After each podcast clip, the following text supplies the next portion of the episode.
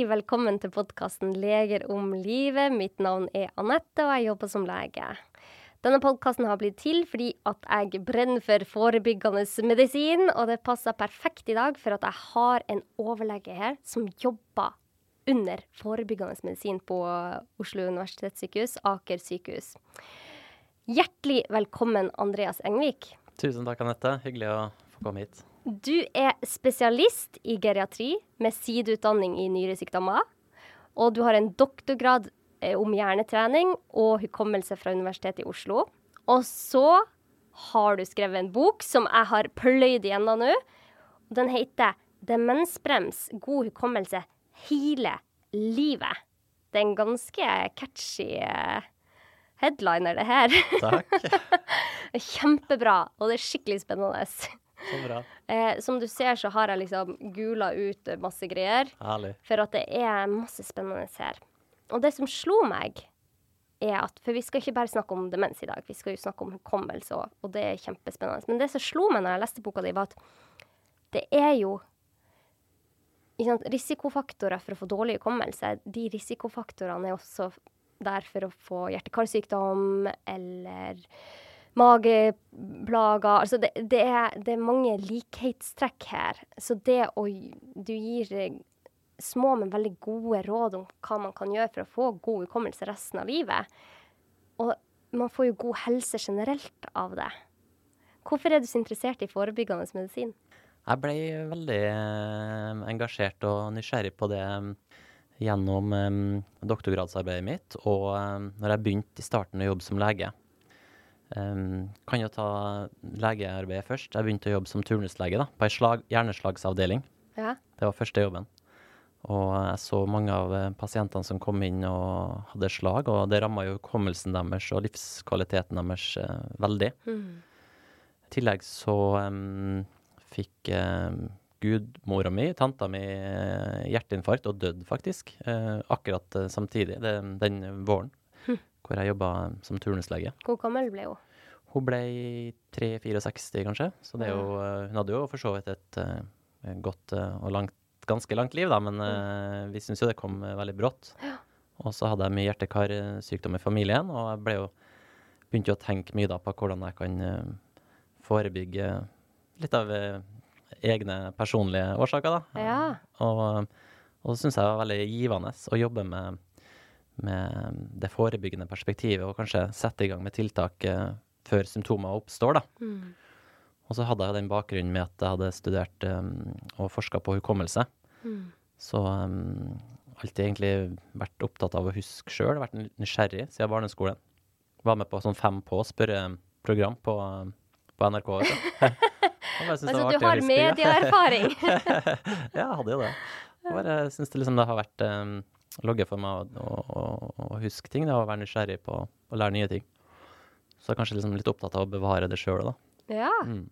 Gøy. Har du god hukommelse? Kommer an på hvem du spør. Ja, hva, er det enkelte ting som fester seg bedre hos deg enn uh, andre ting? Ja, så er jeg nok uh, kanskje litt uh, distré til tider. Ja, det er jeg òg. Jeg skulle jo ta um, Jeg hadde vært besøkt foreldrene mine her i slutten av august, for jeg har hatt sommerferie. Ja. Og da eh, Nei, det var så hyggelig å være hjemme og fått gjort masse og sånn, da. Så jeg kom jo selvfølgelig eh, litt sent eh, til flyplassen. Så jeg sprang inn på flyplassen og la igjen mobiltelefonen i bilen til broren min, ah. som kjørte av gårde. Så jeg fikk jo ikke sjekka inn. nei, nei, nei. Så det er sånn typisk sånn og, Som har skjedd, egentlig. Jeg tror jeg skriver om det i boka. Jeg har liksom glemte mange ting mange ganger fordi jeg er ja. så opptatt av noe. Ja. Eller distrahert, som vi kommer tilbake til. Mm at uh, jeg glemmer å hente frem det jeg skal huske når jeg trenger det. Jeg gleder meg til du skal lære oss hvordan sånne ting ikke skal skje. Men jeg er akkurat lik deg på det. Jeg er så distré. Og mine barndomsvenner de vet at jeg er det. Så når jeg ikke svarer på en melding, så vet de at det ikke er vondt ment. Jeg bare er en sånn distré type. Jeg leser den, og hvis jeg ikke svarer med en gang, så glemmer jeg det. Men eh, folk som ikke kjenner meg så godt, tenker jo ikke at at ja, altså, Man må nesten kjenne de fra barndommen av, for at jeg har vært sånn hele livet. Altså, jeg glemte skolesekken annenhver dag og måtte gå hele den kilometeren for å hente den hjemme. Det var jo ingen som henta den for meg. Det måtte jeg lære. Men jeg klarte liksom aldri å lære meg det. det, er bare, det er sett i genene mine, tror jeg. Ja, samme her, altså. Jeg skulle jo på um, God morgen Norge, jeg skulle promotere boka 'Demensbrems'. Ja. Og da fikk jeg en oppgave, da, å ha med en sånn modellhjerne, så jeg kan liksom vise frem litt hvor hukommelsen lå og sånn i hjernen. da. Ja. Men da tenkte jeg så mye på det intervjuet og hvordan det skulle være på TV, at uh, den hjernen ble jo liggende hjemme. Men altså, er det, er det en risikofaktor å være distré for å få dårlig hukommelse i sen alder? Jeg tror ikke det er noe sikker sammenheng, heldigvis. Å, tusen takk for at du sa det. Det var, det var veldig bra. Mm. Men OK, nå skal vi gå inn på dette med hukommelse, men da må jeg jo spørre deg, hva, hva er egentlig de sånn forskjellige typene hukommelse som vi har? Hukommelse er jo på en måte det indre oppbevaringsstedet vi har i hjernen for å eh, lagre informasjon og erfaringer, da. Ja. Og um, um, det de fleste tenker på når de tenker på hukommelse, er kanskje episodehukommelsen. Hukommelse for ting som har skjedd i tid og på et bestemt sted. For Ja. eksempel så skriver jeg om den gangen jeg lærte meg å sykle. Em, jeg husker fortsatt, ikke sånn kjempegodt, men det var nok på høsten da pappa var med og hadde en sånn DBS 3G-sykkel. Og em, jeg husker hvor det var. Ikke sant? Hukommelse lar oss huske hvor vi var på bestemte tidspunkt. da. Ja. Det var på en tennisbane, sånn asfaltert, eh, dårlig tennisbane Ja. eh, på ei øy der, der jeg vokste opp på Nordvestlandet. Og pappa må ha sluppet bagasjebrettet på et tidspunkt, for plutselig så sykla jeg, da. Så hadde jeg jo sykla for første gang i mitt liv. Så det er en eh, episodehukommelse, da, som lar oss huske liksom personlige minner gjennom livet. Den dagen uh, du fødte barnet ditt, eller Mm. du ble gift, eller ble konfirmert. Mens um, hjernen har jo andre hukommelsessystem, da. Men hvorfor husker man noen episoder så mye bedre? Altså sånn som du, du husker det så klart, men du husker jo ikke hva du hadde til middag den dagen. Det gled du inn på noe veldig, var et veldig godt eksempel Da. den distinksjonen mellom den middagen den dagen og den sykkelopplevelsen. Og vi har jo hukommelse fordi at den har blitt utvikla gjennom evolusjonen for at vi skal ha en overlevelsesfordel. Em, så vi kan huske hvor farer har vært, eller hvor viktige erfaringer um, har skjedd. Uh, sånn at vi kan gjøre bedre valg i fremtida, f.eks. Og ofte har ting som har vært følelsesmessig uh, sterkt for oss, vært en eh, ting som har vært vektlagt da, av hukommelsessystemene i hjernen. Jeg vil jo tro at eh, det å lære seg å sykle for meg den gangen, det var veldig emosjonelt sterkt. da. Ja. Plutselig så oppdaga jeg at pappa hadde sluppet taket, og jeg opplevde sterk mestring, og det var noe som jeg aldri har opplevd før. Eh, Så det skilte seg jo også veldig ut fra middagen, som jeg hadde spist mange ganger før. Så det var også noe nytt ved det. Det er noe nytt, og det er følelser, det er sterke følelser. Det er de to tingene som er liksom viktigst for å klare å huske et minne, eller? De tenker jeg at det står veldig sentralt, ja. Nyhetsverdi og, og emosjonelle eh, verdier, da. Ja. du har jo det her hukommelsessenteret som vi skal snakke mer om, Hippocampus, inni tinningelappen. Ja. Det ligger jo en, eh, nesten eh, vegg i vegg, holdt jeg på å si, med amygdala. Det her fryktsenteret som du har hørt om. Mm. De ligger jo rett attmed hverandre. Sikkert Mm. ikke tilfeldig. Mm. Fordi ting som er veldig skummelt eller fryktinngytende, har jo kanskje vært viktig også for overlevelse, da. Mm. Eksempel hvor det er farer, farlige dyr, eh, eh, sånne ting. Ja, nettopp. Det, jeg liker å ta inn evolusjon når jeg snakker i podkastene, for at det gjør det så mye mer forståelig. Hvorfor er vi skrudd sammen sånn? Så det som, og, og det, er jo, det syns jeg òg er litt fascinerende med hvordan vi lever nå, er jo at før i tida så snakka vi sikkert med barna våre om å, den farlige tigeren eller den farlige slangen, og vi må huske på å passe. Men nå er det sånn Det, det er så mye fare, da. Vi våkner, vi tar opp eh, laptopen, vi leser om alle farene som skjer rundt om i verden. Og det trigger jo eh, de sånn sentrene amygdala, og vi blir kanskje Det blir kanskje for mye frykt. Påvirker det oss i stor grad? Det gjør det helt sikkert. Og um, når det gjelder eh, frykt og hukommelse, så er det jo noen studier som viser at et sånt fryktinngytende um, hendelse da, kan gjøre at vi lagrer minner bedre. Men vedvarende frykt uh, hever jo stressresponsen uh, og utskillelsen av kortisol. Og det har jo en mer ugunstig effekt på hukommelsen over tid. da. Hvordan da? Ehm, Det har nok en eh, direkte negativ ehm, Det er jo veldig mange sånne reseptorer for kortisol i hippocampus hvor episodeminner eh, dannes og lagres. Ja? Og, ehm, og for eh, stor mengde av kortisolfrigjøring har nok kanskje da en, en overbelastende effekt som gjør at minnene ikke fester seg. Vi vet jo ikke helt hvorfor det er sånn. Men en, en innvirkning kan være at det påvirker den langtidspotensieringa som trengs for å styrke minnespor. da. Synapsene, kontaktpunktene mellom nervecellene, trenger jo å bli styrka for at et minne skal sette seg. Ja. Og en vedvarende stressrespons kanskje påvirker det her ugunstig, da. Så hvis du er i en vedvarende stress, stressende situasjon, så husker du dårligere. Eh, over tid så vil minnene feste seg dårlig. Og Det er jo kanskje derfor veldig mange som har hatt traumatiske barndommer, sliter med hukommelsen. det kan være en hypotese, ja. Og det gjør det også, særlig hvis du er veldig stressa på eksamen, da, typisk, så er det også vanskeligere, selv om du har lagra et minne, så er det også vanskeligere for hippocampus å hente frem igjen. Det blir på en måte en overload. Oh. Jernteppe. Ja, jernteppe. Ja. Jeg har opplevd det tusen ganger Ja. selv. Det å komme i kontakt med ressursene sine.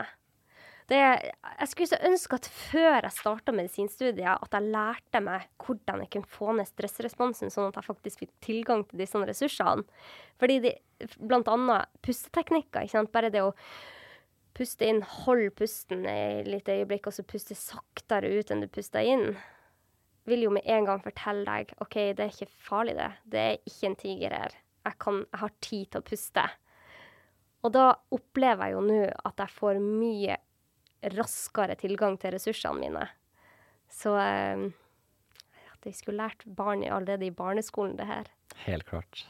Kjempenyttig for læring også hos barn og unge, tenker jeg. Ja, Og ikke være en sånn fryktrespons når man skal lære. Mm. Det er interessant. Men OK, så vi har episodehukommelse når vi husker episoder.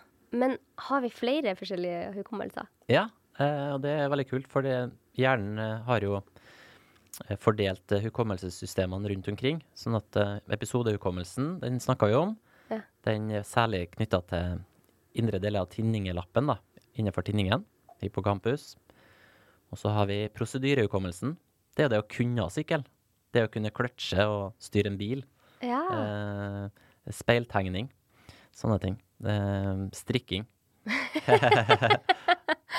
Bestemora til en kompis hun strikker jo fortsatt sånn bunadssøm, da. Hun er jo 95. ja. Det er en veldig sånn godt eh, vedlikeholdt hukommelsesfunksjon, eh, også med alder, da. Altså det er prosedyrehukommelse. Jeg har kalt det det. Eh, den heter vel eh, non-deklarativ prosedural hukommelse hos Oi da. Så prosedyrehukommelse er et eh, godt ord, da. Ja, ja, men det skjer um, ofte underbevisst, da. Ja, det er en eh, non-deklarativ, som psykologene kaller det. Det er et uttrykk for at det er ubevisst. Ja. Mm. Mm, eh, så du kan faktisk drive på med en Altså strikke, samtidig som du får festa en ny episodehukommelse, f.eks. Det kan du, så lenge det ikke stjeler for mye um, oppmerksomhetsressurser. Men hvor er prosedyrehukommelsen festa i hjernen? Hvor er det man henter ut den? Mye av det her er jo eh, fortsatt eh, ukjent, sant? Hukommelsen er fortsatt et mysterium. Men eh, vi vet at eh, de her dype kjernene dypt i hjernen, basalgangliene, eh, og lillehjernen er nok involvert i, i det, da. Å, i prosedyrehukommelser? Ja, det tror vi. Men det skjønner jeg jo. Det er jo eh, eh, Hvis man tenker evolusjonsmessig, så er jo det noe av det viktigste vi måtte kunne. Ja. Vi måtte vite hvordan vi svømte over vannet hvis vi var en frosk, eller Ja, ikke sant, du skjønner. Så vi mennesker er skrudd sammen sånn at ja, og, og for å, å forstå det der, André, så må vi faktisk forklare at hvordan ble hjernen utvikla? For at det var jo de delene som var utvikla først. Det er jo dype, gamle om områder da, som vi deler med gnagere og lavere stående dyr. da. Ja, nettopp. Så der har alle Vi har alle på en måte lik eh, kjerne, kan man si. Ja, vi har en slags grunnlag som er likt. Og så har vi også limbiske strukturer, som noen kaller det. Ja. Hvor hippocampus, det her hukommelsessenteret sitt, for også ja, f.eks. mus, eh, andre laverestående dyr, de er også avhengig av å huske eh, veien hvor de finner frem til mat og sånne ting. Så de har jo også de her strukturene. Eh, likt med oss, da. Bare mye mindre, selvfølgelig. OK. Har vi flere langtidshukommelser?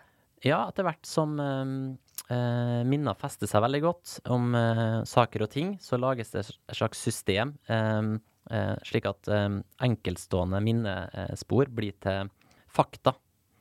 Ja. Så når jeg lærte meg å sykle den gangen, Ja. eh, så var jo det et veldig personlig minne for meg. Mm. Men etter hvert så har hjernen liksom kategorisert deler av minnet, sånn at sykkel, for eksempel. Det eh, har jeg nå lært meg at eh, det er et fremkomstmiddel på to hjul. Ja. Så det er et faktaminne, da. Om den sykkelen. Ja. Eller eh, etter hvert som jeg har hørt veldig mye om president Trump, så lærte jeg meg at jo, president Trump er en av USAs tidligere presidenter. Ja. Det er blitt, for det har jeg hørt så mange ganger, så det kan jeg bare, og det er fakta. Så eh, hvis man spoler tilbake til når du husker at du lærte deg å sykle, så har du faktisk både faktahukommelse om sykkelen, du har prosedyrehukommelse nå hvordan man sykler, og du har en episodehukommelse om selve den Nei, eh, så har du episodehukommelse om selve episoden. Ja, og det er personlig for meg, for det er bare jeg som har um, opplevd eh, akkurat det, å lære meg å sykle for første gang der og da. Ja. Mens du òg vet jo hva en sykkel er, Ja. og, og um, du antar at du også kan sykle, for du nevnte at du hadde gjort det før vi starta her. Heldigvis kan jeg Ja. sykle. Ja, OK, så episodehukommelse, det er kun for Det er personlig for meg, mens faktahukommelse er jo fakta for alle. Mm. Men sitter alle disse tre i ho- Eh, faktahukommelsen er man litt usikker på, men man tror at den er mindre avhengig av hippocampus. da. Etter hvert som minner liksom fester seg skikkelig godt, Ja. så, så er nok de minnene spredd mer utover i hjernebarken. da. For det er det som jeg syns er så fascinerende, det er at når du tar fram et minne, så henter hjernen ut forskjellige deler av det minnet fra forskjellige deler av hjernen, og setter det sammen til én hendelse. Ja. Og da, når man liksom skjønner det, så skjønner man òg hvor utrolig mange minner som blir fordreid med tida. For du liksom Skikkelig. henter det fram hver gang, og så legger du det tilbake, og så henter du det fram. Det er ikke akkurat sånn, men da blir det veldig lett at man dreier det litt med tida, og så blir det kanskje noe annet til slutt. Jeg tror at det, sånn som du beskriver det, er ganske presist i forhold til det som man tenker om hukommelse. da. Ja. Noen kaller det også en konstruktiv hukommelse, episodehukommelsen. For den ble egentlig konstruert, som du sier, ved at man plukker litt eh, elementer fra ulike deler av hjernebarken og setter sammen. da. Men du skriver i boka di, og det syns jeg er skikkelig artig, eh, så skriver du om det her med at hjernen prøver Hvis det er noen ting du ikke har huska fra den opplevelsen, så henter den inn falske minner for å få en komplett, et komplett minne, da. Hippocampus, tror man, ja, den her hjernestrukturen Ja. som vi har snakka om, den er jo kanskje den som driver og setter sammen da, de her elementene til et komplett, eh, sammenhengende minne. Ja. Og den liker at det er på en måte eh, komplett, da. Den liker ikke at det er bruddstykker. Så hvis det er et, et, et, eh, et puslebit som eh, mangler i puslespillet, så setter den bare inn noe. Fyller inn. Så vi har veldig mange falske minner. Vi har eh, minner som ikke stemmer overens med virkeligheten, ja. Det er ganske vilt eh, å tenke på. Men hvordan, hvordan kan man få vite at det er et falskt minne? Kan man klare selv å skjønne at det er et falskt minne, eller må noen fysisk fortelle oss at når du sykla, så var ikke sykkelen din rød, den var grønn? Du kan jo um, snakke med andre som var i, opplevde det samme, da. Mm. Høre om de kan bekrefte det du har opplevd. Men de Eh. har jo sikkert da et litt fordreid minne. Ja, og derfor er jo ofte at hvis man snakker med andre, f.eks. i en rettssal, da, Ja. og um, f.eks. en forsvarer sier ja, men var det ikke sånn og sånn og sånn, eller man blir pressa, så kan man eh, fort, fordi hvis man er usikker og hippocampus ikke klarer å sette sammen det komplette minnet, så kan man under press eh, sette inn eh, elementer som kanskje ikke faktisk har skjedd. da. Så Derfor er jo det med, med Ah. vitnepsykologi et veldig viktig fagområde som det forskes mye på. da. Ja, det er jo kjempeviktig, for det jo det har jo skjedd at veldig mange har kommet i fengsel av begrunna falske minner, rett og slett. Virkelig. Mm. Hmm. Men OK, så dette var langtidshukommelsen vår. Men Ja. så har vi jo korttidshukommelse. Lagres korttidshukommelsen på samme sted som langtidshukommelsen? Vi må huske på at um, uh, hvis vi snakker med hukommelsespsykologene, så er de veldig sånn strenge på at eh, langtidshukommelse er egentlig alt vi husker over mer enn noen minutter. da. OK. Så um, korttidshukommelse er egentlig bare ting du husker her og nå, over sekunder til noen minutter, så lenge du klarer å holde oppmerksomheten på det. Og um, den korttidshukommelsen, som psykologene kanskje mer og mer kaller arbeidshukommelsen, da, for du husker bare så lenge du arbeider med det, Ja. eh, den sitter eh, kanskje litt mer i fremre hjerneområder, og særlig de her prefrontale eh, hjernebarksområdene er jo veldig viktige der. da. Ja, ja, Det kan man jo se at lyser opp og sånne FMRI-studier hvor man ser på hjerneaktivering under sånne oppgaver. da. ja, det er gøy. Vi kan jo gjøre en sånn oppgave etterpå, Ja, hvis du vil. det, det vil jeg gjerne gjøre. Jeg syns dette er kjempeartig. Men OK, så vi har korttidshukommelse. Men hvordan får man den korttidshukommelsen inn i langtidshukommelsen? Da må du jo um, informere hippocampus da, om at dette kanskje er viktig for deg. Ja. Så um, for eksempel hvis vi hadde møttes da, og du sa navnet ditt, Ja. og så hørte jeg litt dårlig, og så sa jeg um, eh, Anne, eh, og så sier du Nei, jeg heter ikke Anne. Ja. Og så skvetter jeg til å føle litt skam da, fordi jeg sa feil navn. da husker du navnet. da, da fyrer jo amygdala, ikke sant? Ja. Og sier oi, nå huska du feil, det her var pinlig, det må du ikke gjøre igjen. Ja. Så det kan man jo tenke seg. I det jeg hadde eh, Anette i arbeidshukommelsen da, og så for meg det. Um, og så eh, kom det da et, en følelsesmessig respons inn fordi jeg sa feil. Eh, kanskje det kan bidra til lagring. Um, ting som er Du kan knytte ting du kan fra før, vil jo lette sorteringsarbeidet. ja. og gjøre at det fester seg lettere, for da kan jo minnesporet lettere gås opp. ja. Så det er noe nyttig. Det prøver jeg ofte å gjøre hvis jeg kan knytte til noe kjent. Jeg husker jeg skal prøve å huske navnet på han Peter Moi Babresco, tror jeg. Han er en programleder på TV 2. OK. Så det var så vanskelig. Men da bare knytta jeg Peter til en annen jeg kjente som het Peter. Ja. For det var jo kjent. Så bare så jeg for meg han. Og Ja. Moi, det var en foreleser på universitetet, en sånn venerolog. ja. Så sko. da sover jeg for meg en sko, ikke sant. Så. Bra. En bred sko. Bra med sko. For det er jo sånn at eh, det her med mm, Mange syns det er vanskelig å huske ting de har lest, f.eks. Ja. Og skriftspråk har jo ikke vært tilgjengelig så lenge for oss. Mens hukommelsen er jo mange millioner år gammel. ikke sant? Den har utviklet seg gjennom evolusjonen. Ja. Og den har jo særlig vært flink til å huske ting vi kan se for oss, bilder og sånt noe. Så hvis du kan se et bilde, eller se for deg hvor du var når du huska noe, så, så vil jo det kunne hjelpe deg å overføre ting fra det korttidslageret, da, arbeidshukommelsen, til det mer permanente lageret. Nettopp.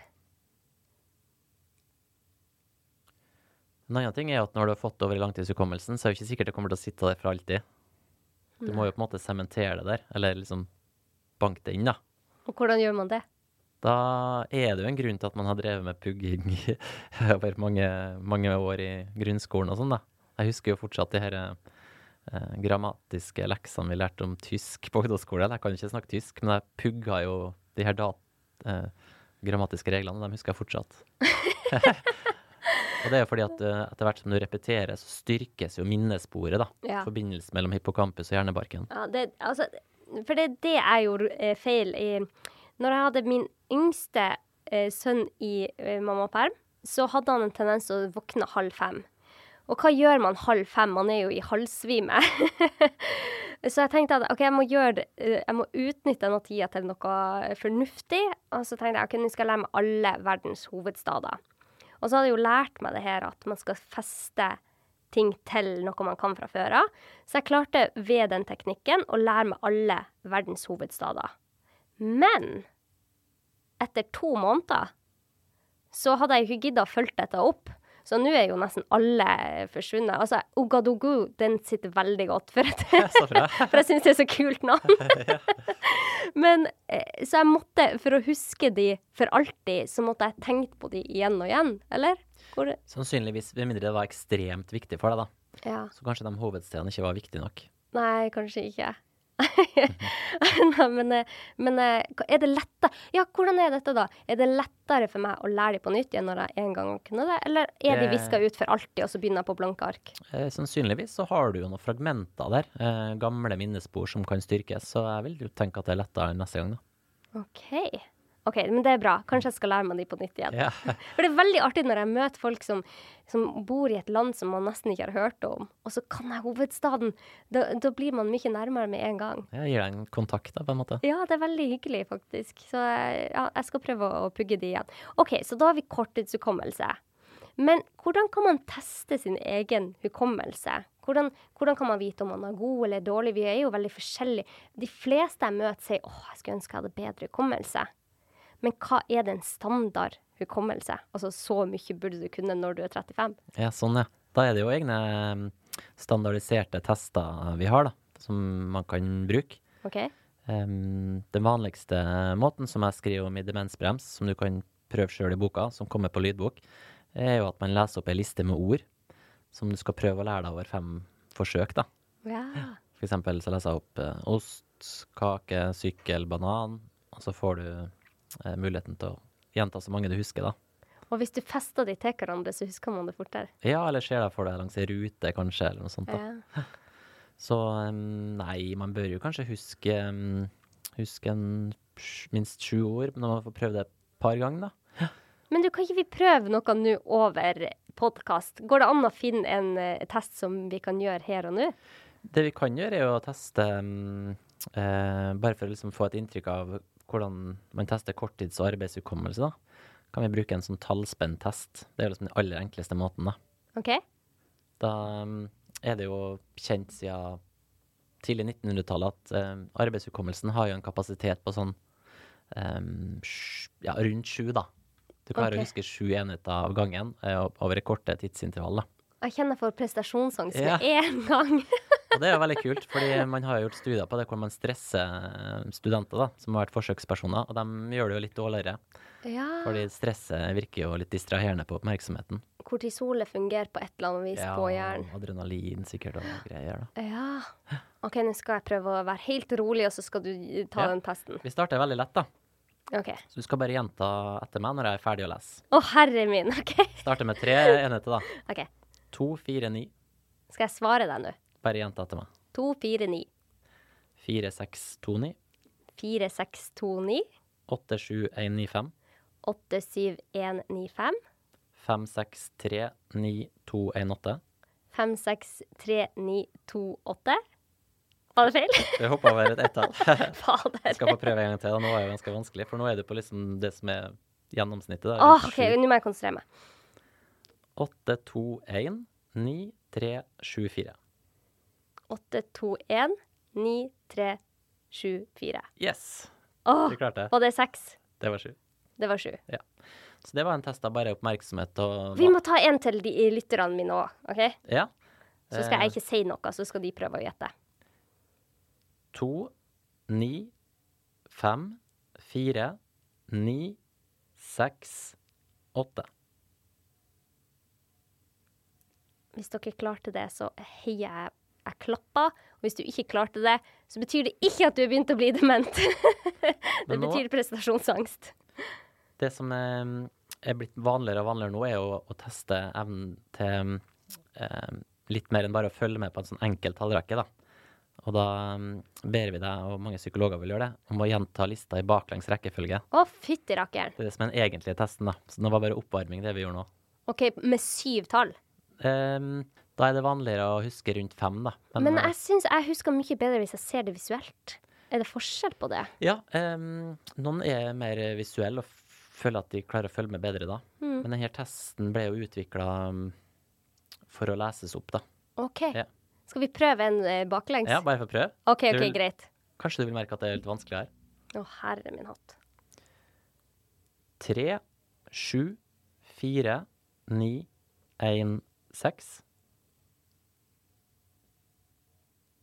Seks, én, ni, fire, syv, tre. Perfekt. Skal vi prøve eh, sju? OK. Åtte, sju, fem, to, seks, tre, ni.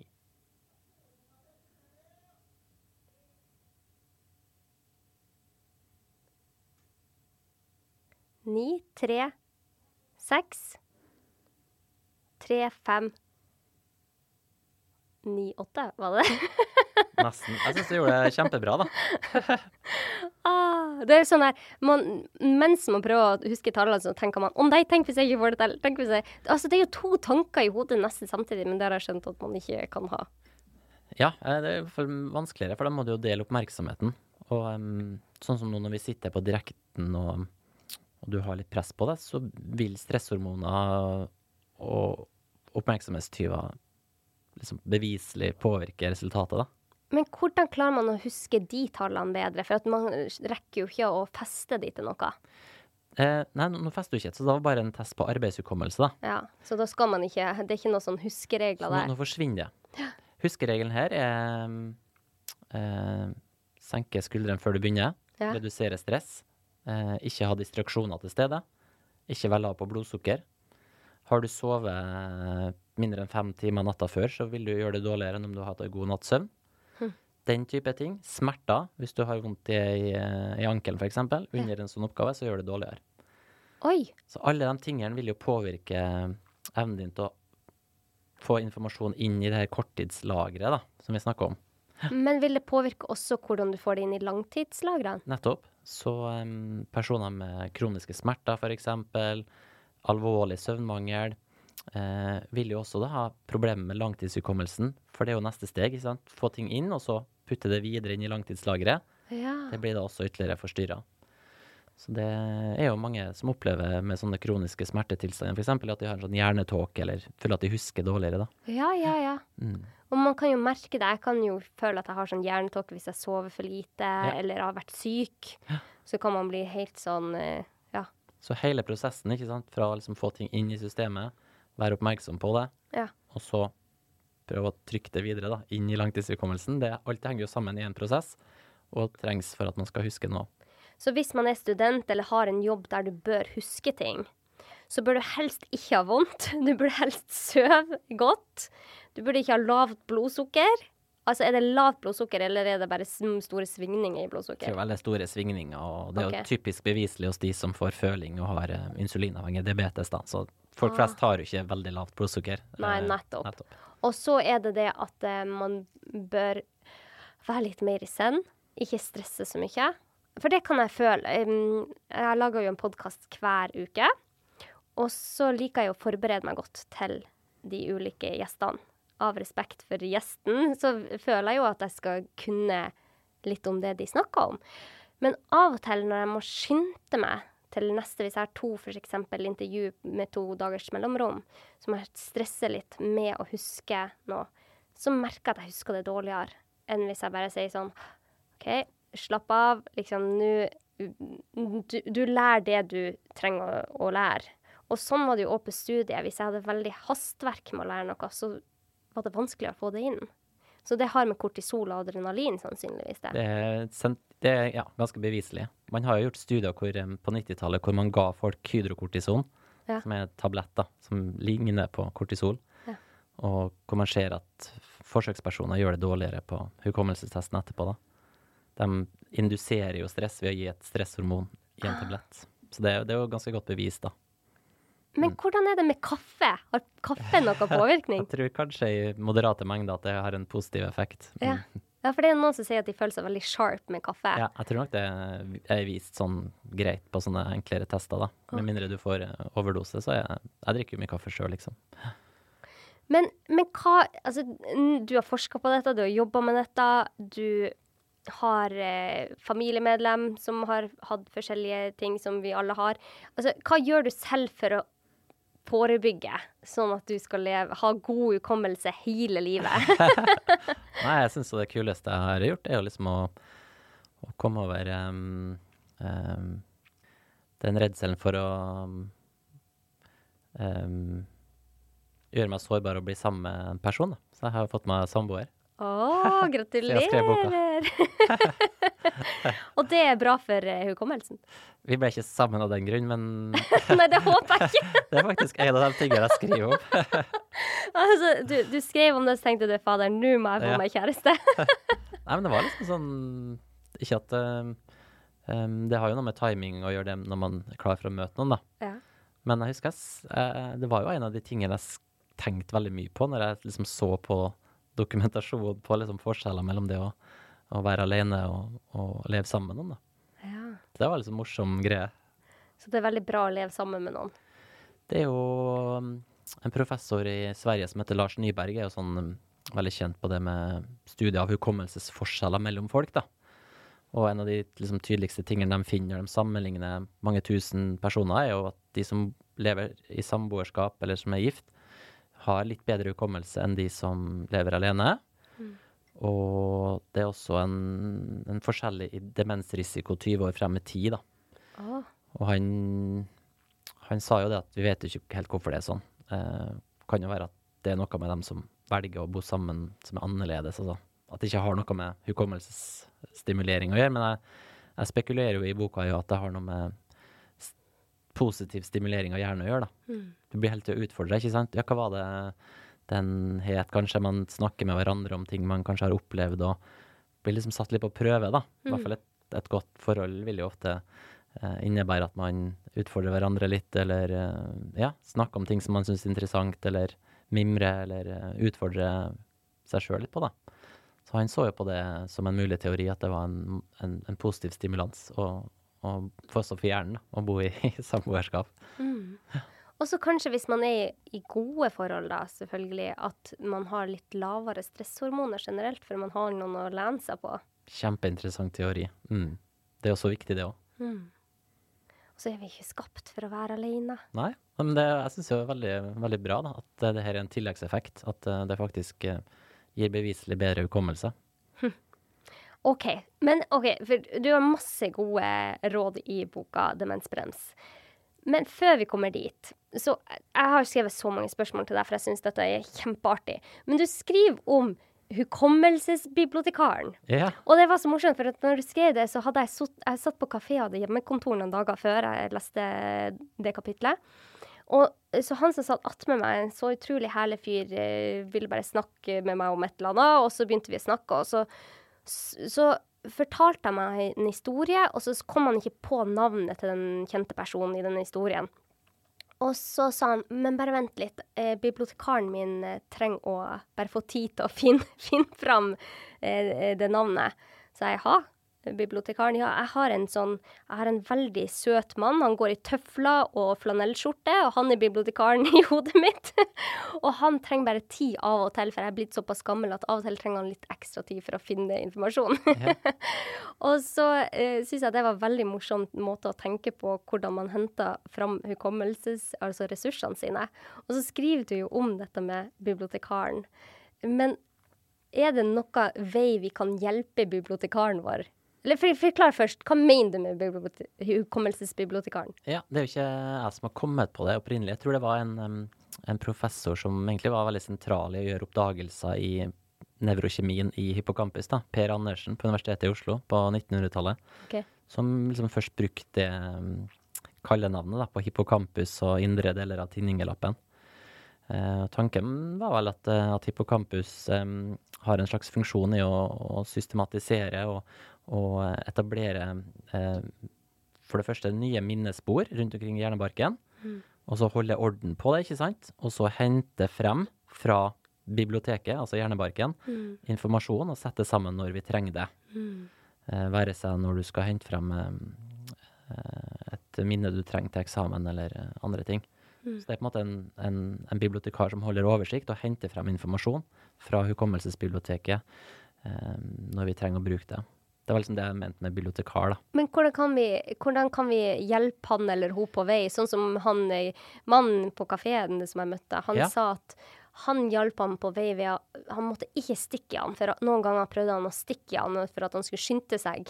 Og da gikk det bare Da ble han sur, og da satte han seg ned, og da gadd han ikke å hjelpe til. ja, nå var det.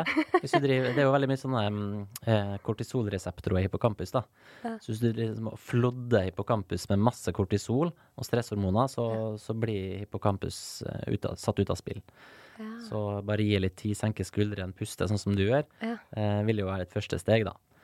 Og så er jo ofte sånn, eller man tenker seg vel at minnespor og deler av minner ligger i strukturer, eller i et hierarki i hjernebarken. Sånn at kanskje sykkel ligger kanskje sammen med bil og tog. Altså det, det er en struktur i det, da. Ikke sant? Så hvis du ikke kommer på akkurat det du skal huske, er det noe som minner om det, eller kan du prøve å tenke tilbake til settingen du var i? ja. Hvor var du hen, ikke sant? Hvis du klarer å hente ut stedsinformasjon av minnesporet, ja. kan stedet minne deg om eh, ja, dem du var sammen med, eksempel, eller når det var. Skjønner du? Altså du prøver Ja. å sette sammen ved å lete etter sammenhenger, da. Det er kjempeartig. Eh, Så hvis du skal prøve å huske på et navn, f.eks., så det er greit å prøve å tenke over Når du sist f.eks. møtte den personen, så vil kanskje området eller stedet minne deg på Men, Og det jeg pleier å gjøre, for at um, hvis jeg glemmer navn, så går jeg ned i alfabetet, så begynner jeg på A, nei, B, C, og så hvis han heter Hans, kommer på H, så plutselig kommer Hans opp. Og det syns jeg er så fascinerende, at én bokstav kan gjøre at du husker et navn. Bare sånn hvor kompleks den hjernen vår egentlig er. Veldig.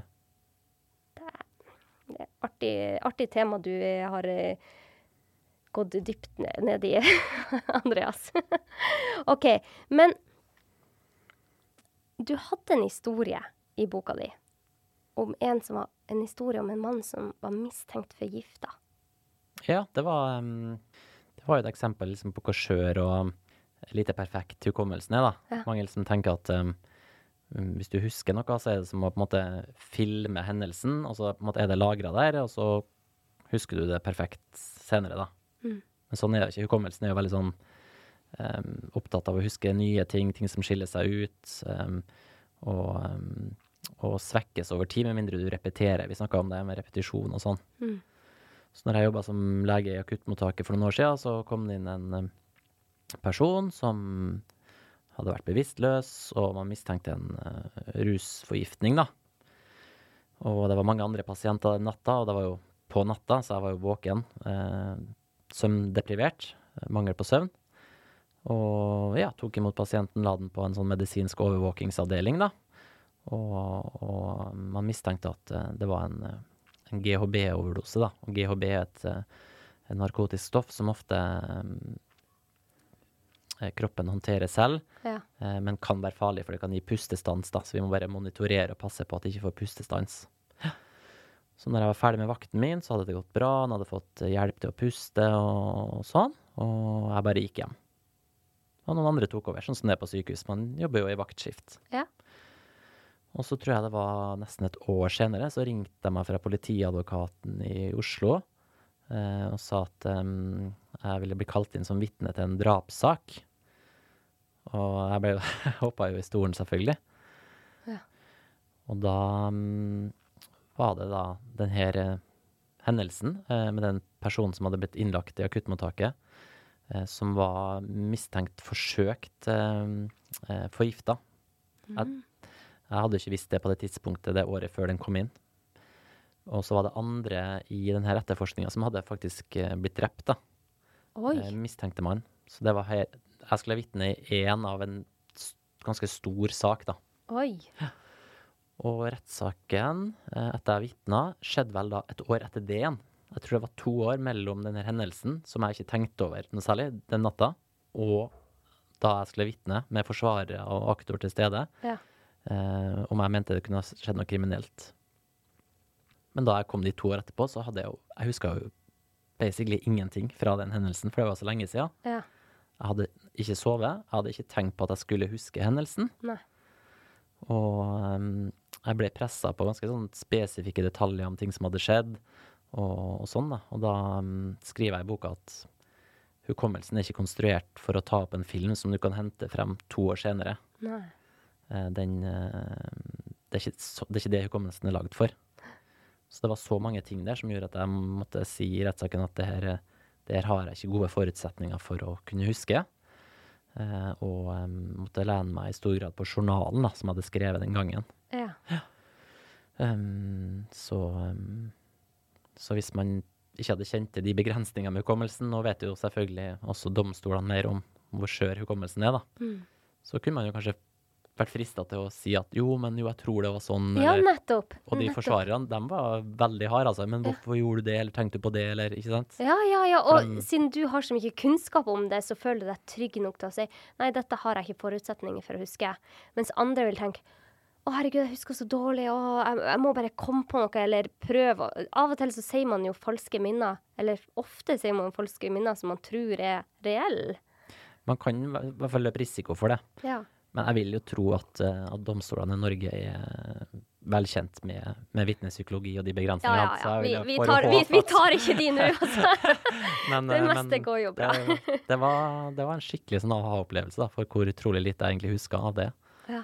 Selv om det var veldig mye som sto på spill, tydeligvis, da, når, eh, når vi så hvor alvorlig det kanskje kunne ha vært. Men det, det gjør Jeg tenker at dette er Vi blir litt mer tilgivende mot oss selv når vi hører på deg nå, Andreas. Fordi at veldig mange tenker å, det der burde jeg huske, det burde jeg kunne. Særlig sant, hvis um, en venn sier å, husker ikke det. Hvorfor husker du ikke det? For det Vi er jo Vi har ikke, vi har ikke plass i hjernen vår til å huske absolutt alt. Så noe berører jo andre mer enn en selv, og man, vil jo huske andre hendelser. Det betyr ikke at man har en dårlig hukommelse for det. Veldig bra. Jeg håper jeg, håper jeg kan eh, formidle det, at man kanskje skal ha litt eh, lavere forventninger til egen hukommelse av og til òg, da. Ja. Du skriver jo også om de som eh, Du skriver flere i, i historier om bl.a. ei som ikke har korttidshukommelse. Alle som har lest, eh, nei, sett boka 'Finding Nemo', har jo sett Dory som ikke husker noe fra minutt til minutt, nesten. Ja, Gullfiskhukommelse. Men det finnes ekte mennesker som ikke har episodehukommelse. Som- Det var sånn vi lærte oss uh, egentlig at hippocampus uh, er så viktig for uh, episodehukommelsen, da. Det var i, um, på 50-tallet at det var en som het Henry Molaison, eller HM.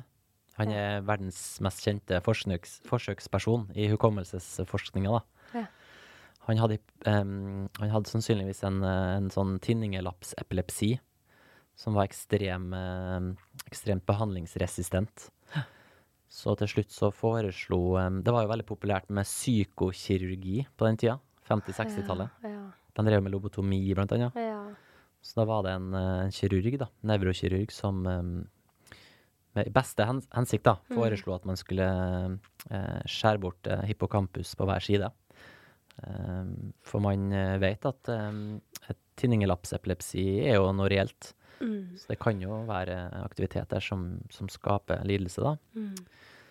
Så det gjorde man.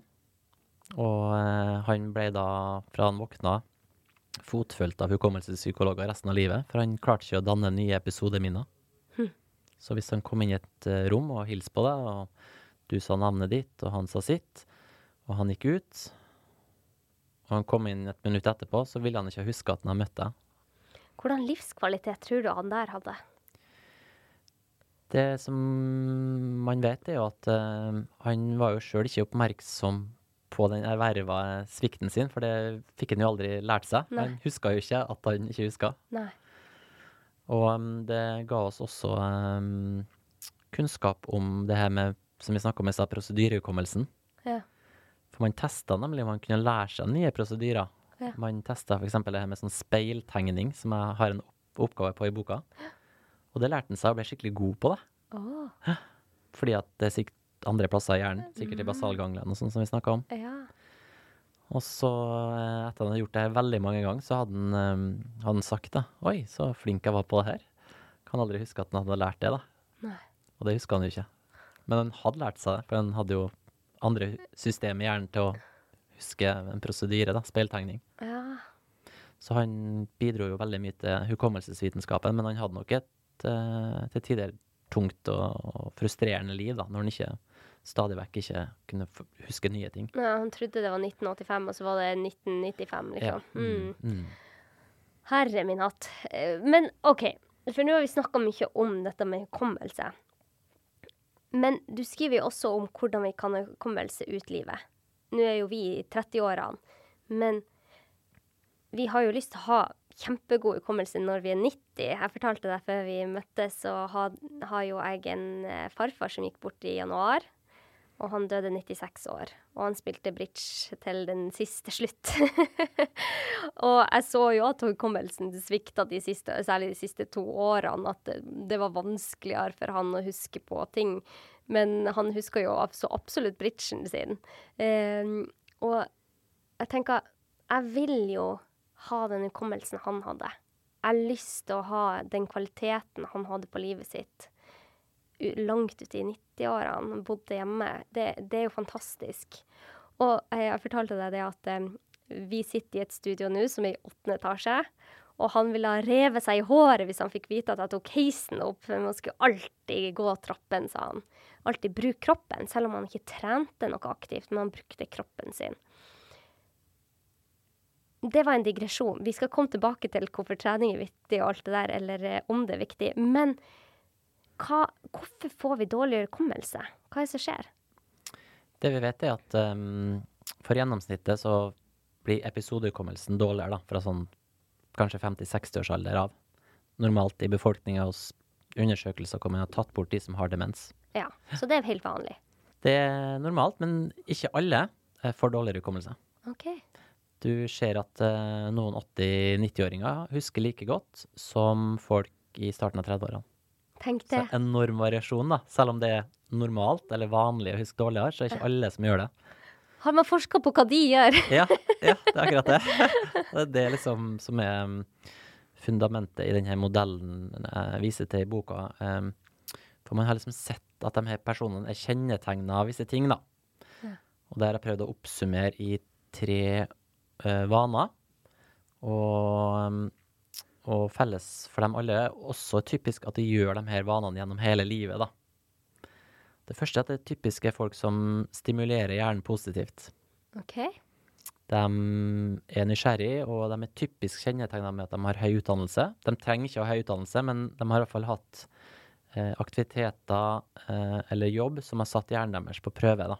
Ja. Sånn som min farfar, han hadde ikke høy utdannelse, Nei, men han har, had, han har vært gründer hele nettopp. livet. Han var nysgjerrig. Ja. Så det, det er også veldig interessant, fordi høy utdannelse er jo en risiko um, Nei, en beskyttende faktor for å utvikle demens. Men man tenker seg at grunnen til det er jo at man eh, gjennom høy utdannelse stimulerer hjernen og setter den på prøve, sånn at man bygger opp en reservekapasitet. Så man har mer å spille på dersom en dag man utvikler sykdomsforandringer i hjernen, f.eks. Alzheimer. Ah. Så um, det er det man kaller reserve. Så det å være nysgjerrig og gründer og Eller professor eller uh, podkastintervjuer eller hva man ønsker å bli, da. Ja, ja, ja. Eh, Men hvor man bruker hjernen aktivt, så, så eh, forhindrer ikke det sykdom i hjernen. Det stopper jo ikke Alzheimers sykdom, liksom. Nei. Men det gjør at hjernen er mer velutvikla og har flere eh, nettverk å spille på, da. Eh, sånn Hvis det skulle skje. Nettopp. Ah. I tillegg til det med å være mentalt aktiv, da, sånn som det høres ut som din bestefar eh, var, eh, så er jo også det med sosial aktivitet. Vi var jo inne på det med at samboende eh, husker bedre enn dem som bodde alene. Ja. Man tenker seg også den her sosiale stimulansen hos folk som enten bor sammen, eller som har rike nettverk. Ja. Eh, også stimulerer hjernen til å bygge en sånn reserve, da. Ja, og, og da tenker jeg man skal ikke fortvile om man har valgt å bo alene. Fordi at det, man kan jo, som du sier Sånn som min farfar, han bodde jo alene de siste 30 årene. Eh, I hvert fall, tror jeg det var. Men han gikk hver dag på kafé, samme kafeen. Og så var jo han en av de som gikk til nabobordene og spurte om han kunne sette seg ned og prate med de, og ja, alle på Sortland kjente jo han farfar. Eh, og da fikk han jo mye sosial omgang. Og så spilte han bridge, og så hadde han oss som naboer. Så selv om man bor alene, så kan man jo da heller Da må man kanskje gjøre litt ekstra for å få den sosiale interaksjonen. Men all is not lost, selv om man er alene Jeg huset. det var utrolig kult at du sa det, for jeg skriver om en studie i boka under eh, kapittelet om sånn sosial stimulans, da, hvor de gjorde nettopp det han gjorde, bare at i et eksperiment. Ja. De lot en eh, gruppe eldre voksne eh, være med i en sånn samtalegruppe, hvor de egentlig oppgaven var bare å møtes på en, litt sånn à la den kafeen hans, da. Ja. Tre dager i uka gjennom et år, og så tok de sånn hjernebilde MR før og etter det året, og så sammenligna med en kontrollgruppe. Ja. Og da hadde de som var med i den her eh, kaffeklubben, kan du kalle det, da, mindre hjernesvinn over et år enn dem som eh, ikke var med. Tenk det. Ja, så det er absolutt ikke nødvendig å, å, å bo sammen. Man kan jo stimulere seg på, på andre måter, da. Mm. Ja. Men sosial isolasjon, altså både bo alene og ikke være oppsøkende eller ikke være på et sånt senter, f.eks., det er nok uh, ugunstig. Det er ganske godt dokumentert. Både hos mennesker og også hos, hos andre dyr. Da. Det, det er jo en, kanskje en ganske sånn universell mekanisme. Da. Mm. Og det er jo risikofaktorer for veldig mange andre sykdommer òg, det å bo alene og være isolert. Mm. Eh, Jeg må bare spørre deg, for det er mange som spør meg om det. Er, hvordan er det med demens og Alzheimer? Hva er forskjellen på de? Vi trenger ikke å gå dypt inn i det, men bare sånn at vi har en liten oversikt. Ja, det er et veldig viktig eh, spørsmål, og noe som har liksom vært eh, gjenstand for en del misforståelse, da. Så det var fint at du spurte om det.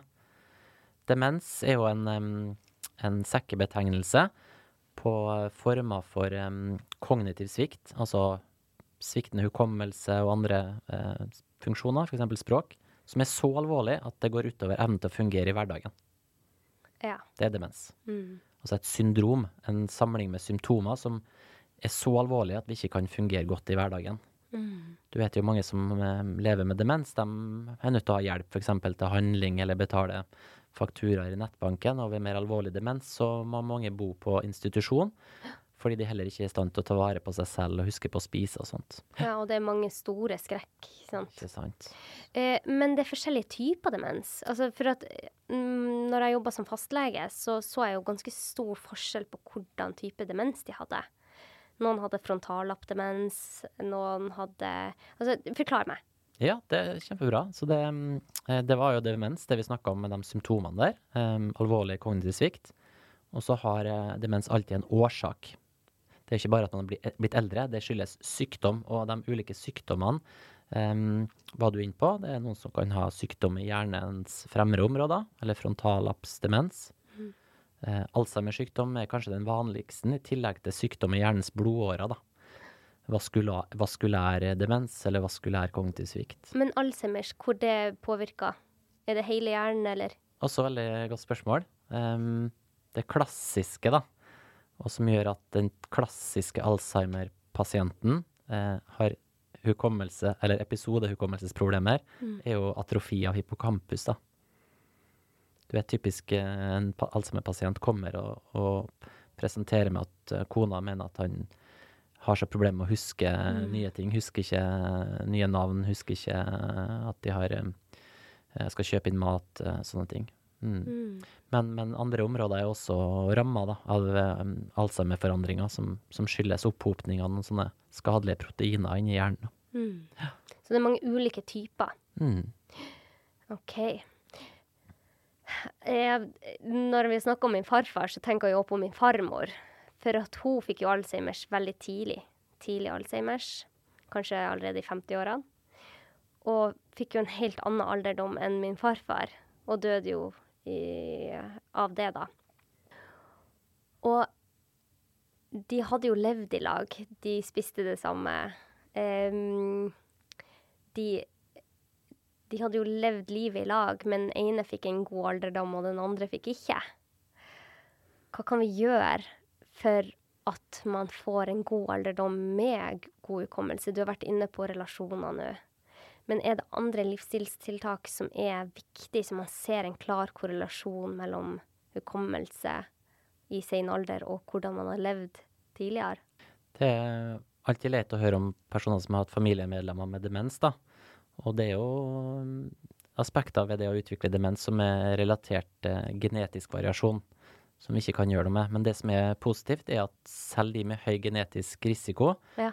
eh, viser seg å kunne senke risiko litt ja. ved de samme livsstilstiltakene som er vist å være effektive hos de med lav risiko. Så det er potensialet der, selv om man uh, har familiemedlemmer med, med demens. Og um, hvis vi ser på de andre tingene vi ikke har snakka om, da, så er jo det med risikofaktorer for hjerte-karsykdom også veldig viktig for hjernen. Fordi hjernen er jo et av de mest eh, sirkulerte, blodsirkulerte organene vi har. Ja. Um, så det er jo ting man kan påvirke. Og Ser du på sånne risikoscorer for eh, demens, f.eks. Um, en som er utvikla i Finland som heter Kaide, eller en som er utvikla i Nederland, Libra, så inneholder alle de demensrisikoskåringssystemene eh, eh, sånne ting som høyt blodtrykk, type 2-diabetes, røyking, fedme, og eh, også noen av de inneholder uh, nyresykdom. OK, så metabolske altså, så, så man bør passe på blodtrykket sitt? Blodtrykket bør alle vite hva er. Mm. Ja. Eh, du skriver i boka at alle, alle bør ha tatt det én gang i, i sin voksen alder. Var det ikke det du sa? Det er det aller minste fallet. Ja, ja. Personlig så vil jeg nok, hvis jeg har et normalt blodtrykk og har passert 30, så vil jeg kanskje ha sjekka det en gang i året eller hvert andre år hvis det er helt normalt. da. Og du ville sjekka det så ofte?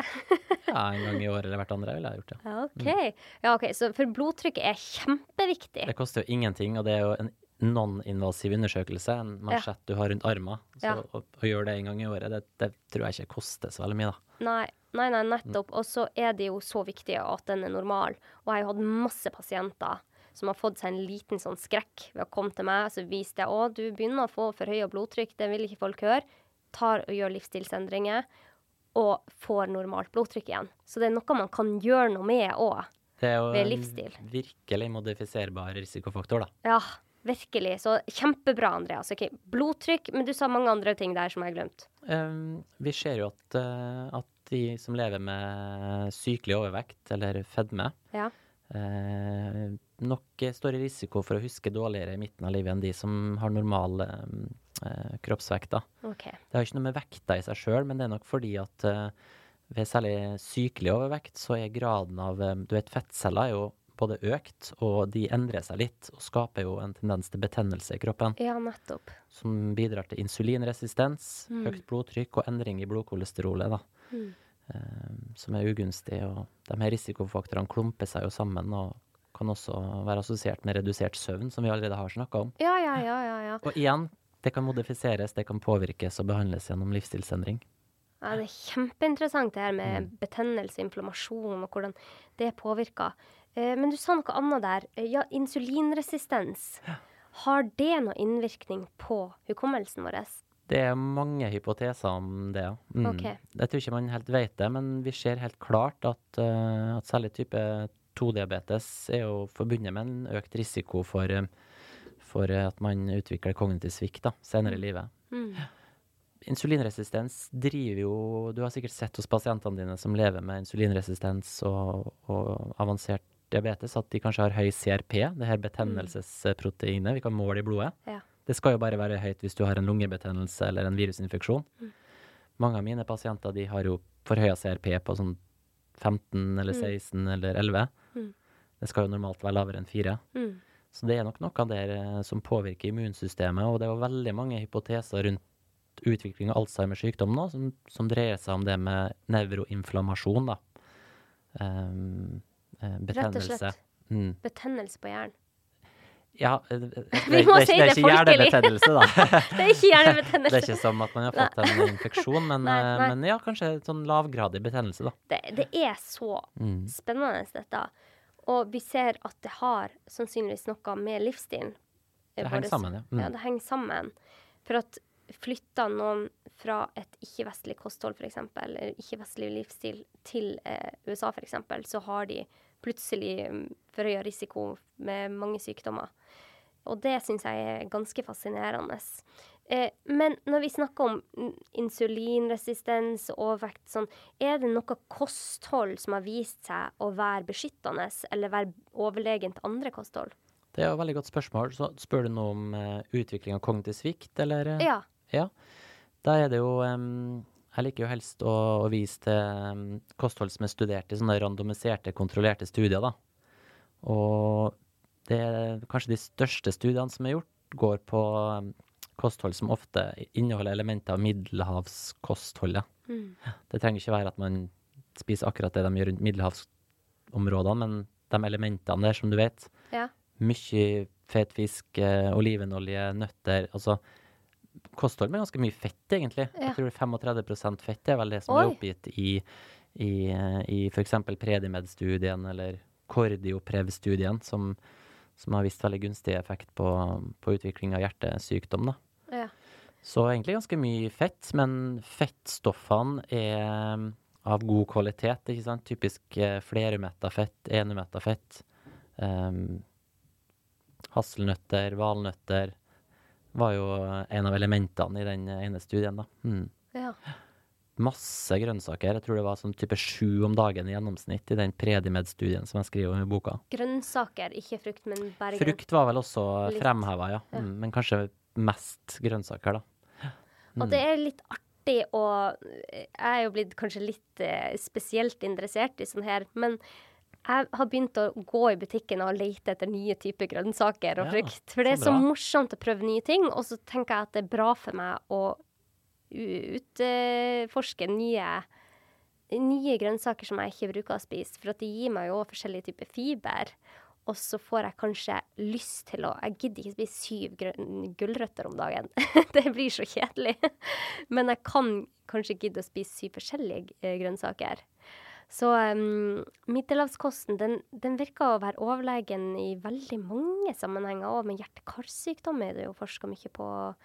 Jeg tror at eh, altså, sånn som de, de store studiene på middelhavskosten, um, Predimed er det, og Mm. andre heter Cordioprev, den ble publisert nå i sommer i Lancet. Eh, begge har vel vært designa for å forebygge hjerte-karsykdom. Ja. Så er det vel det at i og med at demens og hjerte-karsykdom deler så mange risikofaktorer og mekanismer, så tenker man seg at det sannsynligvis også er gunstig for hjernen, da. Mm. Så, men det er riktig at det er jo hjerte-kar som kanskje var liksom utgangspunktet for at de studiene ble gjort. Ja. Så hva spiser du selv? Jeg må si at jeg, jeg er ikke like flink som eh, tilhørerne i den studien. Jeg klarer ikke å spise sju om dagen. Det er ikke alltid jeg klarer å spise fem om dagen. Så, men jeg, jeg prøver å fokusere på det, men jeg lever ikke helt perfekt. Jeg må innrømme det. Men jeg ser, eh, du sa jo at du sykler til jobb og sånn, Ja, så du er, er veldig aktiv. Ja, gode Men, vaner, det jeg går på. men fortell meg det. eh, Hva viser trening? Har aktivitet effekt på hjernen?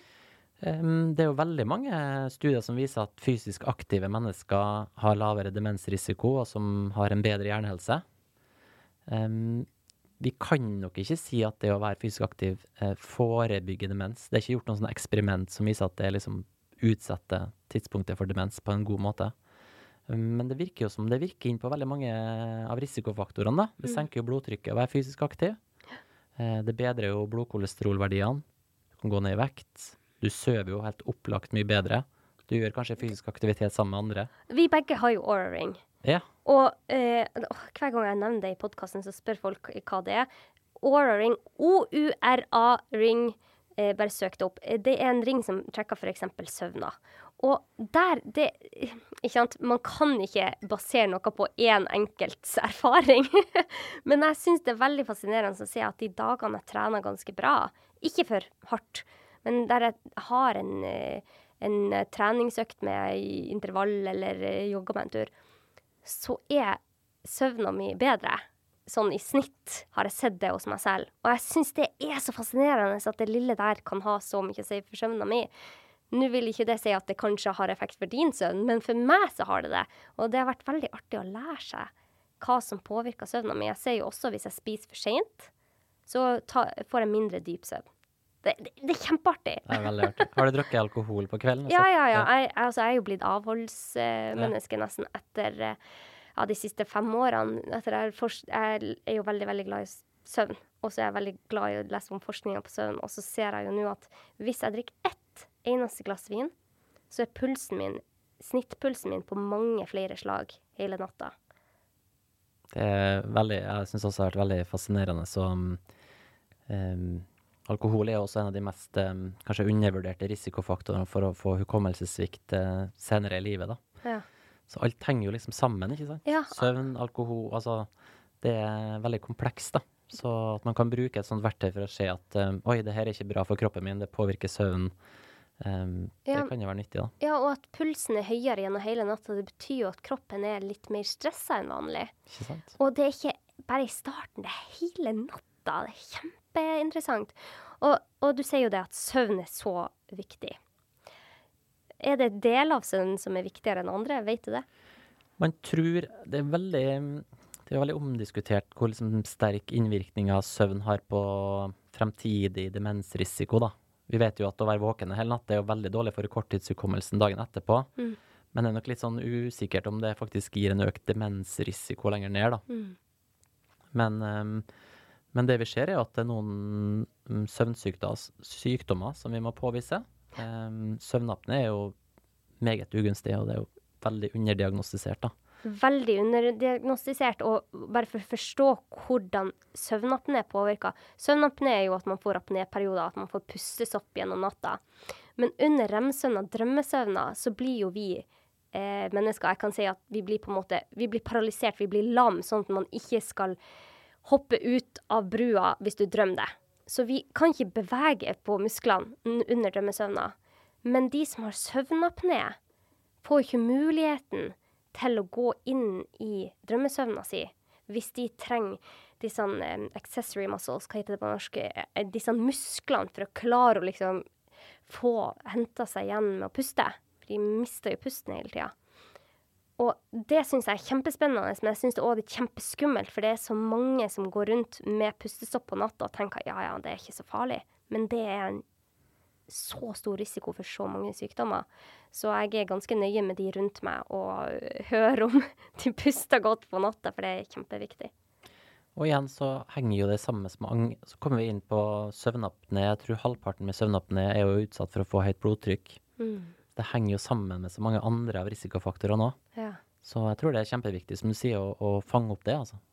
Og det er jo noen som vet at uh, hvis de får søvnapné, så er de nødt til å bruke en sånn pustemaske, og noen kvier seg for det. Men jeg må også huske på at uh, vi- du spurte om fysisk aktivitet. Det er også en, en behandling som ikke kurerer søvnapné, men det har i hvert fall hvis du har en bedring av symptomene. ja. Og, og vektreduksjon vil eh, hjelpe. Mm. Um, så det er jo utrolig mye man kan gjøre med det òg. Og potensielt hukommelsen kan bedres, da. Tenk det. Mm. Ja, så du kan faktisk få bedre hukommelse. Det er i hvert fall vist. eh, han Harald Hubro Strøm, tror jeg han heter. Han er ørene-halslege på Ahus. Han har jo vist i sin doktorgrad blant at de med søvnapné har jo litt redusert hukommelse, eller episodehukommelse, enn normalbefolkninga. Ja, Mm. veldig interessant. OK, OK. Så nå har vi vært inne på mange ting. Men jeg likte veldig godt det der eh, bildet du hadde på at hjernen var på en måte som en plante. Du måtte pleie og vanne og Fortell litt om det. Ja, jeg tenkte jo, for det var litt vanskelig å huske på alle de her levevanene, og hvordan man skal gjøre det, da. Og så tenkte jeg på det med mm, hjernen som en plante. For en plante, den trenger jo eh, særlig lys, ikke sant? Den trenger jo å bli stimulert. Og hukommelsen vår, den trenger også stimulans for å holde seg god hele livet. Vi snakka jo om farfar din som drev med bridge. Ja. Um, så den trenger jo sollys, ikke sant? Eller vi trenger jo å bli stimulert mentalt, da, sosialt, Ja. gjennom sansene våre. Ja. Men uh, uten uh, gode årer, uh, så vil jo en, en plante visne nesten med en gang. ja. Så kroppen sine årer er jo blodårene. Mm. Så friske blodårer er jo helt sentralt for en god hjernehelse. Mm.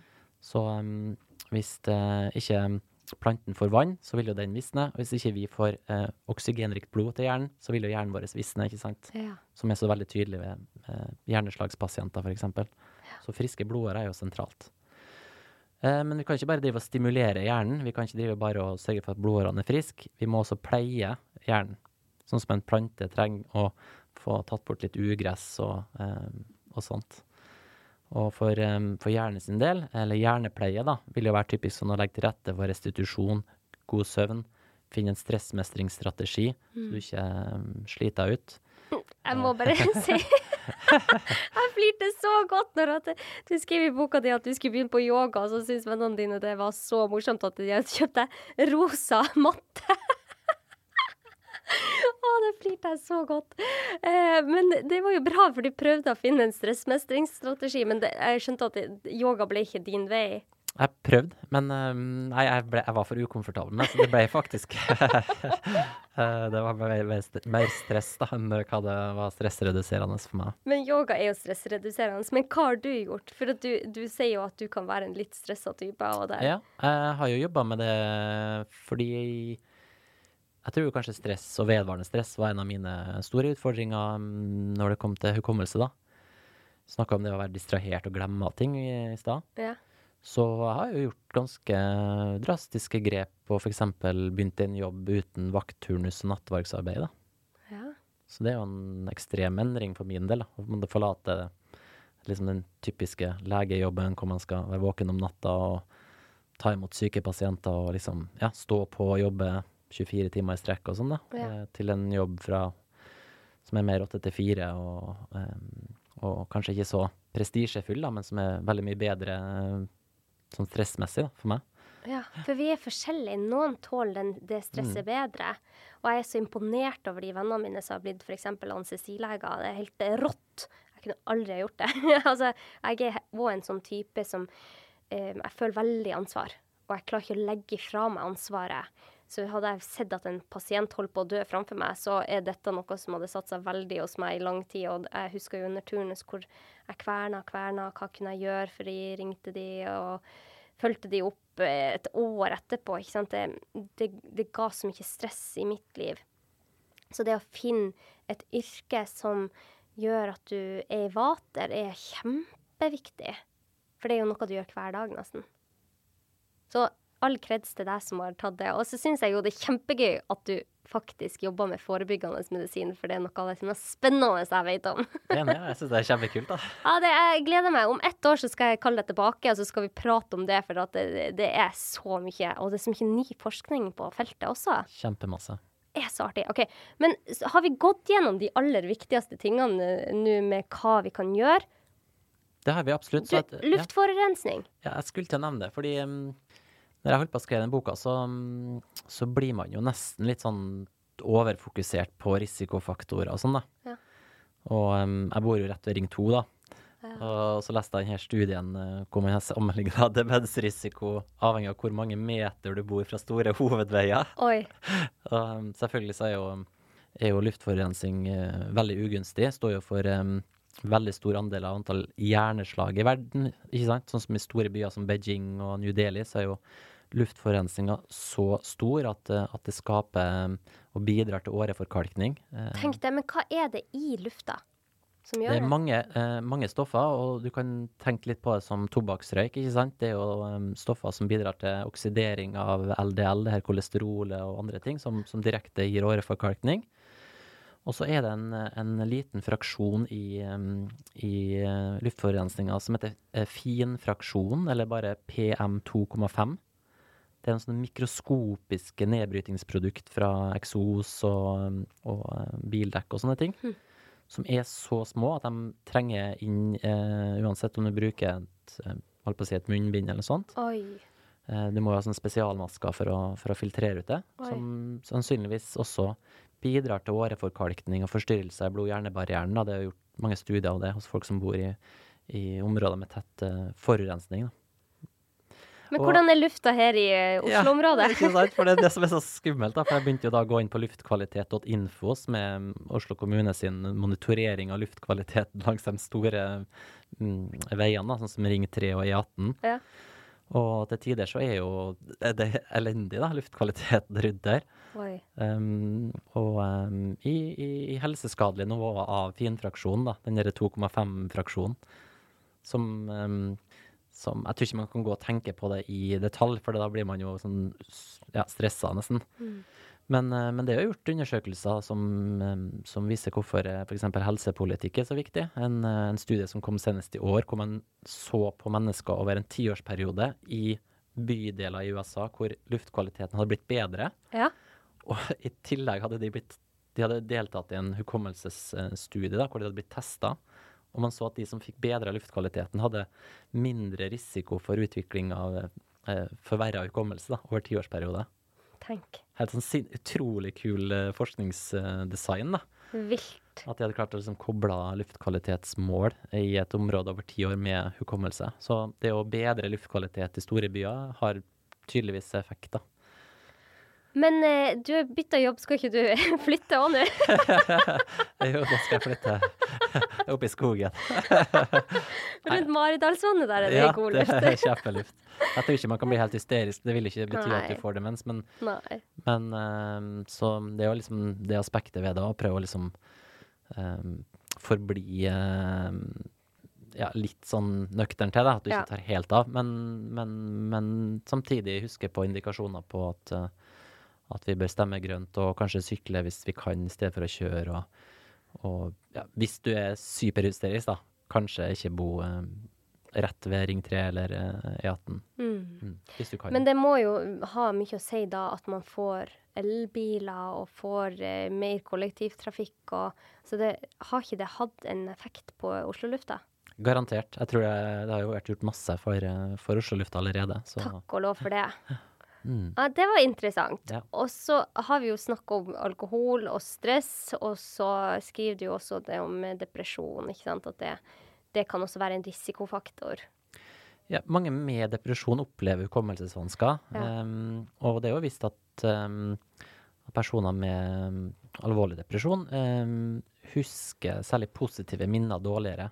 Og kanskje har en tendens til å, å kanskje huske ting, men at negativt ladde minner kanskje fester seg bedre. Um, så det er ikke nødvendigvis at, um, at hele hukommelsen i seg selv blir dårligere, men det er kanskje en opplevelse av, en, av et, et, fokus mot ting som er mer negativt ladd. Mm. Og, um, og så stjeler det jo en del oppmerksomhet da, med, med depressivt tankeinnhold, som gjør at uh, denne oppmerksomheten som var så viktig for arbeidshukommelsen, så vi, mm. uh, kan bli påvirka. Mm. Så det er jo viktig å søke behandling dersom man har uh, depressivt tankeinnhold. Mm. Hmm. Mm, OK, så vi, nå har vi snakka om det, det, fæle med altså risikofaktorer. Men du skriver også om beskyttende faktorer. La oss avslutte med det positive. Hva er de beskyttende faktorene? Det ser jo ut som folk som lever sosiale, mentalt aktive liv, eh, er veldig beskytta, da. Og at uh, sosialt engasjement sammen med mentalt engasjement, folk som er enten om det er jobb eller om det er frivillige pensjonistalder, de eh, ser jo ut til å leve godt med god hukommelse. I, I, snitt bedre enn de som ikke gjør det, da. Ja. Så det er jo veldig flott. Og um, fysisk aktivitet uh, legger jo til rette for mye av det her. Så hvis du kan være uh, gå til åttende etasje, hvis hvis du kan, da, i stedet for å ta heisen, så vil jo det også være gunstig på inn, innvirkning på alt vi har snakka om. da. Ja. Så det, det, er jo kanskje det. Eh, Hverdagsaktivitet. Det trenger ja. ikke være et maraton. Det, det, er ingen dokumentasjon for at maraton uh, forebygger demens. Men, uh, men, folk som er aktive versus dem som er inaktive, der, der det virker det å i hvert fall være en, en, en forskjell. da. Ja. Så det, det, må man ta med seg. Mm. Mm. Bra. Mm. Nå har vi fått kjempe kjempemange gode råd av deg, Andreas. Det er egentlig små ting. Ikke sant? Sjekk deg for søvnapné. Eh, hvis du har dårlig søvn, finn ut hvorfor. Det er alltid noe man kan gjøre for å få bedre søvn. Det har jeg i hvert fall sett. At mine pasienter får bedre søvn når vi går Vi, vi angriper et område fra flere faktorer, med, med tanke på flere faktorer. Eh, dårlig søvn kan jo være begrunna søvnapné eller stress eller et kosthold som gjør at man har vondt i magen. Det er så mange ting som påvirker oss. Men det å prøve å finne en viss eh, Jeg pleier å si at vi mennesker vi er jo robuste mennesker. Så vi skal ikke gå rundt og være redd for alle ting vi gjør galt. Man må spise kake med god samvittighet av og til. Altså, vi må ikke jeg, jeg tror at det blir så mye stress av å prøve å leve perfekt at det vil virke mot sin hensikt. Men du gir veldig mange gode livsstilsråd som jeg ikke tror vil påvirke stressnivået hvis man ikke blir for opphengt i det. Du lever fremdeles rundt ring to der, selv om eh, du vet det. For at kroppen vår er jo robust, og vi tåler mye. Men vi tåler ikke vel at veldig mange av disse faktorene blir påvirka. Da, eh, da, blir det litt sånn dominobrikker som faller. Så det å ha fokus på noen områder, kostholdet sitt, søvna si, gode relasjoner, stresse og være litt fysisk aktiv. Det, da har man gjort mye godt, ifølge forsker Andreas Engvik. takk. Det var så fint oppsummert, Anette. Veldig bra. Tusen takk for at jeg fikk komme hit i dag. Det var veldig inspirerende. Det var kjempeartig at du kom. Eh, jeg bruker å avslutte med et siste spørsmål. For du har jo lært veldig mye om helsen, helse og eh, gjort endringer selv. Hva føler du er viktig for å leve et godt liv?